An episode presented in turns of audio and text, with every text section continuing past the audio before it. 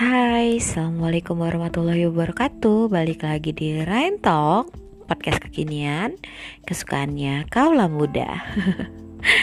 Apa kabarnya masih sama Rica Di tanggal Berapa sekarang? Di tanggal 2 Agustusnya ya Sudah memasuki bulan Agustus di hari Minggu besok sudah mulai beraktivitas jadi selamat beristirahat ya untuk yang mulai menjalankan aktivitasnya. Um, hari ini masih di segmen pertama di episode ke-15 podcastnya Ryan Talk.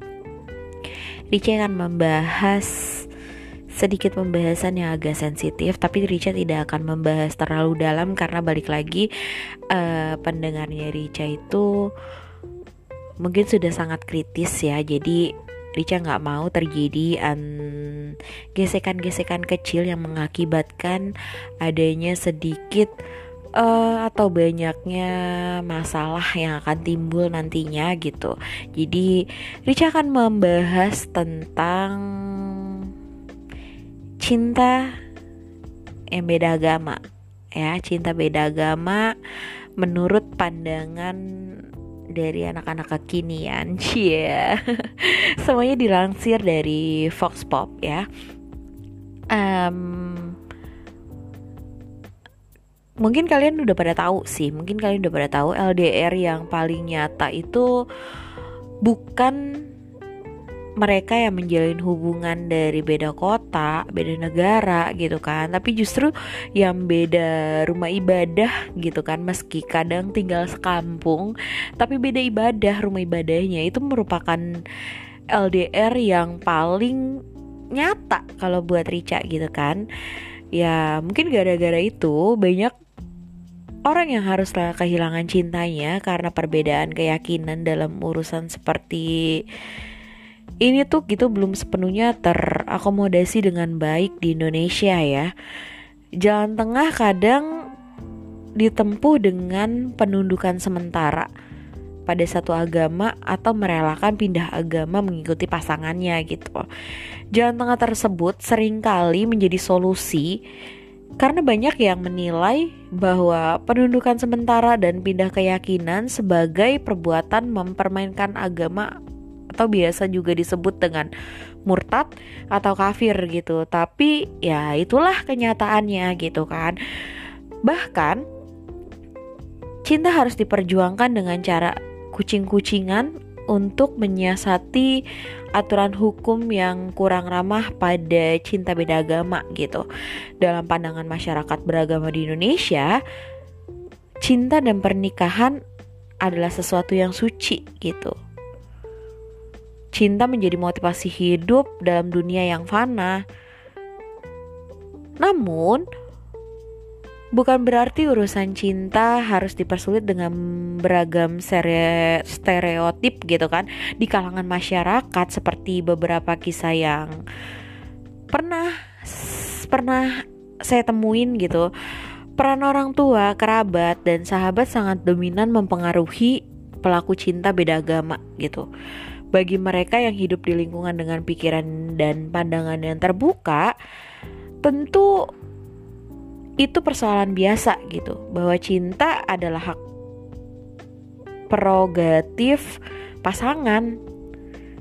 Tapi pada umum terjadi adalah pihak keluarga dan sahabat itu yang kerap menginterpretasikan uh, mengin, mengintervensikan ya mengintervensikan begitu tahu kalau misalnya kita tuh punya pacar atau pasangan yang beda agama gitu. Bahkan mereka mencoba kayak menggagalkan pernikahan padahal cinta beda agama nggak selamanya bermasalah gitu. Contoh, saya kenal beberapa teman yang berhasil sampai menikah dengan pasangannya meski beda keyakinan. Contoh gagal menikah karena pasangan beda agama juga lebih banyak sih gitu kan. Kedua sama-sama dipengaruhi oleh lingkungan sebenarnya. Um, sebelumnya aku ingin membagikan beberapa kisah yang menarik gitu kan. Sebut aja uh, seorang teman perempuan namanya J. Dia beragama Protestan. dia punya pacar namanya A gitu junior kampusnya dia A ini seorang muslim ya mereka mesra gitu kan. Mereka mesra bahkan saat melakukan praktikum di laboratorium gitu hmm, aku tuh kayak kerap ngeliat si Jenny salam cium tangan gitu kan pada uh, cium tangan sama si A ini gitu kan. Sebagai pasangan kayak mereka tuh kelihatan kompak gitu. Meskipun teman-teman seangkatan mereka keduanya menjalin hubungan asrama beda agama gitu kan. Beberapa kali uh, gua ngedenger J bilang ke A Bismillah ya sayang semoga sukses gitu. Padahal tahu ya kalau J itu adalah agamanya Protestan sementara si A itu adalah Muslim gitu kan. Ya beberapa tahun yang lalu gue melihat di media sosial kalau si J ini sudah menikah dengan seorang laki-laki adik angkatan J di kampus gitu. Si J ini ngunggah foto pemberkatan pernikahannya gitu kan di altar gereja dengan baju adat Batak lengkap dengan ulos sama pose tortor gitu kan. Asumsi saya sih HKBP karena saya dengar J adalah jemaat gereja tersebut gitu kan. Dia menikah dengan laki-laki bermarga gitu sesama orang Batak. Ya gue nggak ingin buru-buru menyimpulkan kalau misalnya pernikahan keduanya karena sama-sama orang Batak dan seiman gitu apalagi dijodohin gitu kan. Kesimpulan akhir gitu uh, si J itu membatalkan menikah dengan si A gitu. Kesimpulan akhirnya ya. Contoh lain gitu kan teman saya kayak uh, teman gue gitu sebut aja Mbak C dia menikah dengan temannya sewaktu menempuh pendidikan di Jepang gitu kan. Ya sebut aja si temannya itu adalah si Mas A. Antara Mbak C dan Mas A ini selain beda agama mereka juga beda negara gitu kan. Kurang LDR apalagi coba ya. Dari beda negara beda agama ya kan LDR-nya lengkap gitu. Mbak C bahkan sampai menulis di blog uh, kayak blog pribadi gitu kan blog pribadi twitternya dia dan instagramnya dia gitu kan tentang pengalaman uh, dia itu memperjuangkan cinta beda agama dan beda negaranya itu gitu. Mbak C ini agamanya Katolik dan Mas si A ini adalah agamanya Buddha karena dia tinggal di Jepang gitu kan. Ya harus mengurus banyak hal gitu. Sebelum sampai pada tahap pemberkatan pernikahannya uh, misalnya ya si orang itu harus ke catatan sipil gitu kan bolak-balik kedutaan terus sebagainya lah gitu. Mbak tampak kayak lebih banyak mengurus berkas di Indonesia gitu kan sampai pada akhirnya uh, gue ngelihat postingan baca di media sosial di mana resepsi pernikahan dilakukan di Indonesia gitu dengan adat Jawa dan Mas Anya itu tampak gegah gitu meskipun sedikit kaku dalam balutan busana Jawanya tapi keren lah gitu. Gue sempat bertanya sama Mbak C soal restu orang tua gitu. Bagi orang tua Mbak C mau menikah dengan siapa pun asal orangnya baik ya silakan gitu. Sekarang ya mereka tinggalnya di Jepang gitu. Hidup sebagai pasangan beda agama yang tetap adem ayem. Kesimpulan akhirnya menurut gua baca sukses menikah dengan si Mas A ini gitu kan. Berbeda dengan kawan gua gitu kan D sama P. Mereka memutuskan untuk menjadi agnostik bertuhan tanpa agama Tahu ya, meskipun keluarganya muslim, si D merasa tidak ada masalah dengan peribadahan agama maupun uh, uh, ya peribadahan agama apa pun gitu ataupun mana pun gitu kan. Saat hari Jumat kadang dia ke masjid gitu untuk sholat Jumat. Kalau bulan puasa ya dia juga puasa gitu kan. Pacarnya nih si P yang Katolik juga tidak bermasalah dengan keyakinannya si D ini. Beberapa kali uh, dia bahkan mengantarkan P ini beribadah ke gereja gitu baik minggu atau hari-hari besar agama Katolik lainnya gitu kan.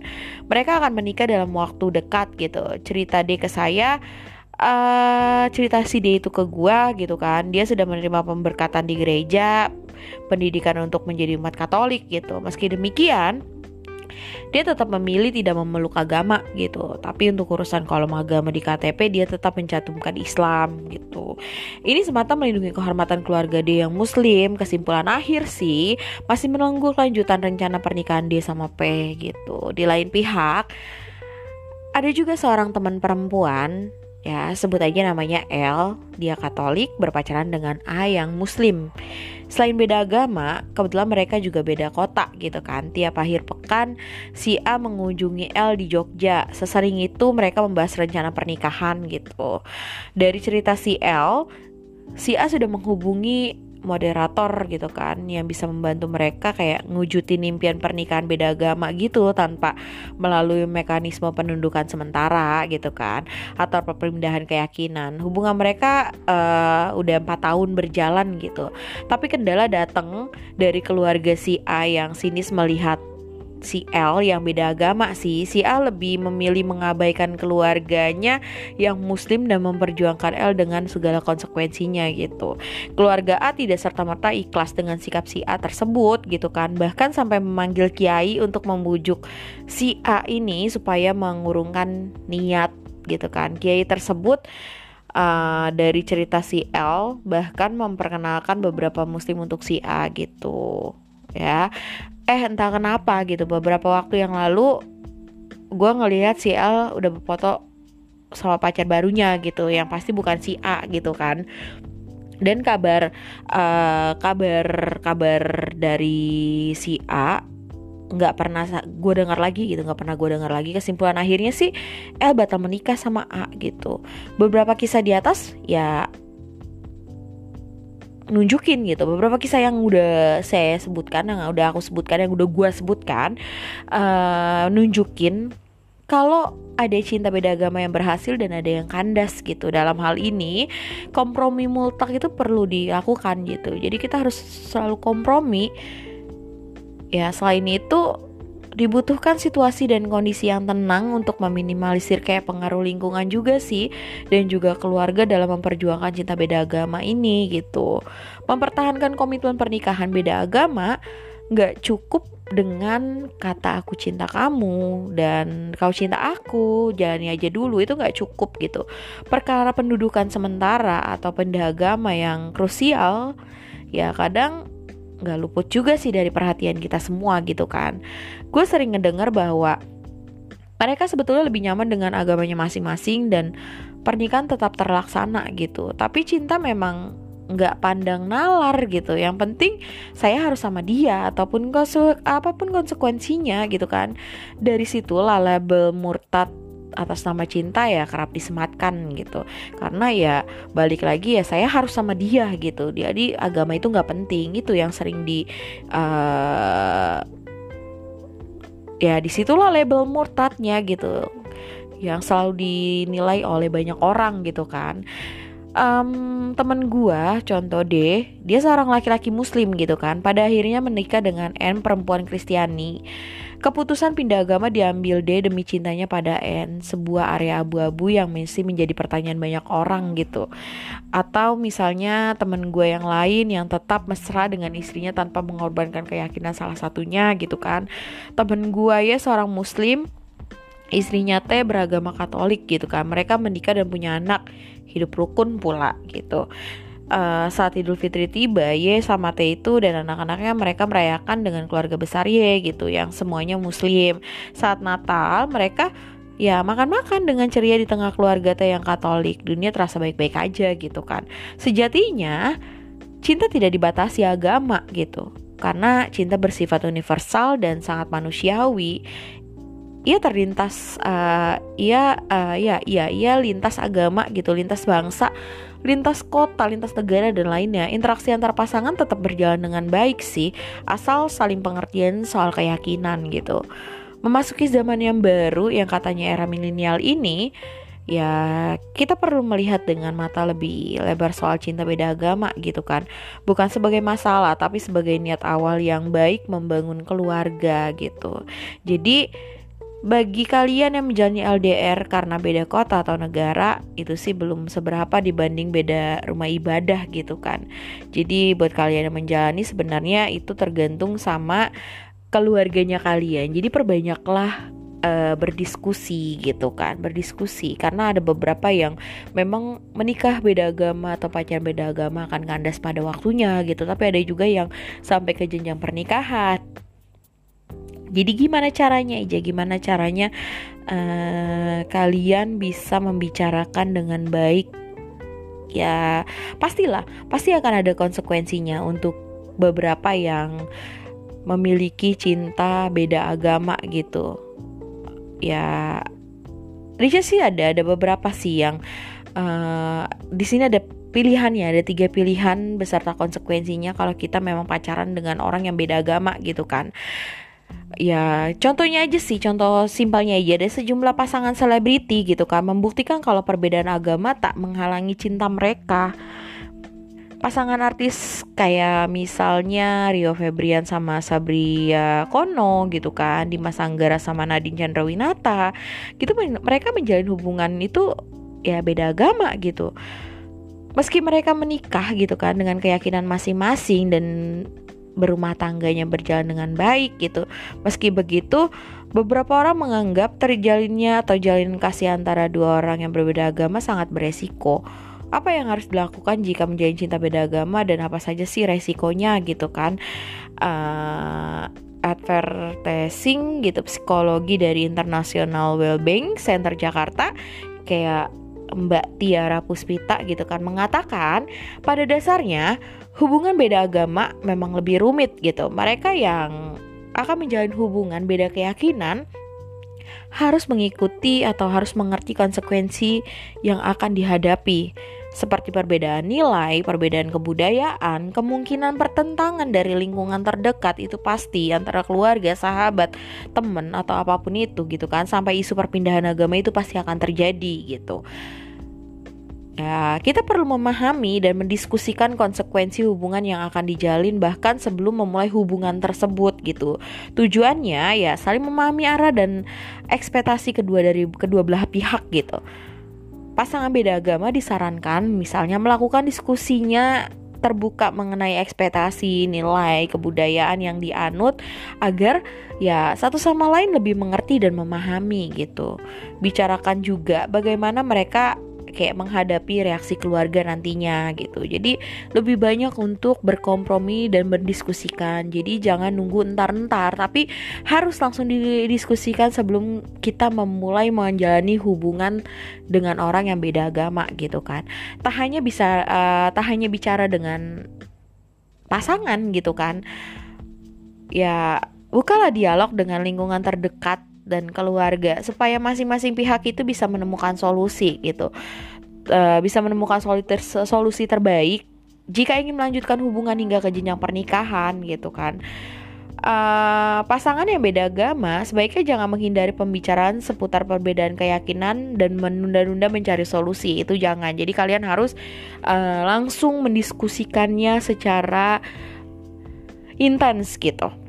Jadi jangan sampai ya udahlah nanti baru dibahas ya udahlah nanti baru dibahas. Jangan kayak gitu. Kadang sering kali kita berpikir jalanin aja apa yang terjadi saat ini gitu kan. Toh masih mas masih masa pacaran gitu. Belum tentu juga menikah dengan dia gitu kan. Kadang kita berpikir seperti itu. Jika terus menerus menunda untuk membicarakan urusan serius ini gitu mau sampai kapan hubungan kalian akan begitu terus? Jangan lari dari kenyataan gitu. Cepat atau lambat perbedaan keyakinan tetap bisa menjadi masalah salah untuk yang menjalaninya gitu kan.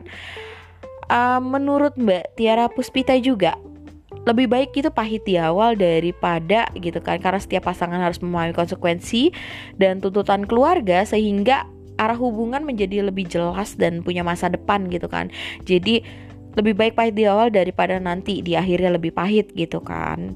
Ya ini sih bisa terjadi gitu. Ini biar ya ini bisa menjadi bom waktu yang akan meledak sewaktu-waktu gitu. Bagi mereka yang sedang menjalin hubungan cinta beda agama gitu kan berikut akan saya sampaikan tiga pilihan yang bisa dipertimbangkan ya. Yang pertama salah satu mengalah dan mengikuti keyakinan pasangannya Konsekuensinya, kita bisa ditentang keluarga habis-habisan, bahkan dikucilkan. Maka pertimbangkan lagi matang-matang apakah dia benar-benar pilihanmu hingga kamu rela berkorban sedemikian besarnya atau itu hanya nafsu belaka. Jadi pastikan seperti itu. Yang kedua, memilih tetap berhubungan dan berkomitmen menjalin pernikahan beda agama di masa depan. Jika ini pilihannya, maka setiap pasangan perlu mempertimbangkan lebih jauh bagaimana sih dengan keyakinan yang akan dianut anak-anak mereka kelak gitu. Apalagi kalian sudah menikah dan kalian itu tinggal serumah dan kalian punya anak, agama kalian berbeda, si A dengan agamanya, si B dengan agamanya. Kalian punya anak, anak itu akan mengikuti siapa pasti akan bingung gitu. Yang ketiga, mengakhiri hubungan. Ya, yang ini sih pilihan yang menyakitkan gitu kan. Jika memilih mengakhiri hubungan cinta beda agama, konsisten dengan keputusan ini dan biarkan dia hidup dengan pilihannya yang lain gitu dan itu ada tiga pilihan. Jadi gimana kalian tergantung kalian gitu kan. Kalian mau pilih yang mana gitu. Jadi menurut aku sih kalau cinta beda agama silakan kompromikan sedari awal menjalin hubungan. Jangan nunggu ntar-ntar. Karena balik lagi agama itu adalah sesuatu yang sensitif gitu sensitif. Walaupun terkadang ada beberapa yang sudah diceritakan mereka akan berjalan dengan baik dengan agama mereka masing-masing. Tapi balik lagi kadang ada beberapa faktor dari lingkungan dan dari keluarga yang sulit untuk menerima gitu. Jadi gimana caranya kita yang harus memulai pembicaraan? Ya takutnya sebelum lebih jauh gimana perasaan itu semakin tumbuh gitu. Ketika kita harus berakhir atau harus memilih untuk mengakhiri tapi kita sudah terlanjur cukup jauh melewati cukup jauh me menjalani gitu. Jadi pada akhirnya ketika harus disudahi kita tidak begitu ikhlas atau tidak ikhlas sama sekali gitu. Jadi um, diskusikan diskusikan yang telah kita jalani saat ini mau dibawa ke mana mau ke depannya seperti apa gitu. Kalau misalnya memang kalian sama-sama memiliki keputusan yang memang berat untuk diambil gitu kamu sudah bertekad dengan agamamu dan dia sudah bertekad dengan agamanya dia sampai pada akhirnya tidak mendapat titik temu mau nggak mau semua harus diakhiri gitu. Tapi kalau ada yang mau mengalah ya boleh saja. Walaupun kalian masih atau mau aku mending mau ya udah aku nikah walaupun beda agama ya itu juga adalah hak kalian gitu. Silakan. Ini tergantung dari diri kalian masing-masing ya. Itu sih uh, pendapat dari Rica. Mungkin kalian semua juga punya pendapat lain boleh. Uh, nanti kita bahas lagi. Silahkan DM di Instagram uh, Rica underscore Simari Machiko ya. Jadi kita kalian bisa DM DM bisa apa sih masukannya? Apa sih pendapat kalian tentang cinta beda, beda agama ini?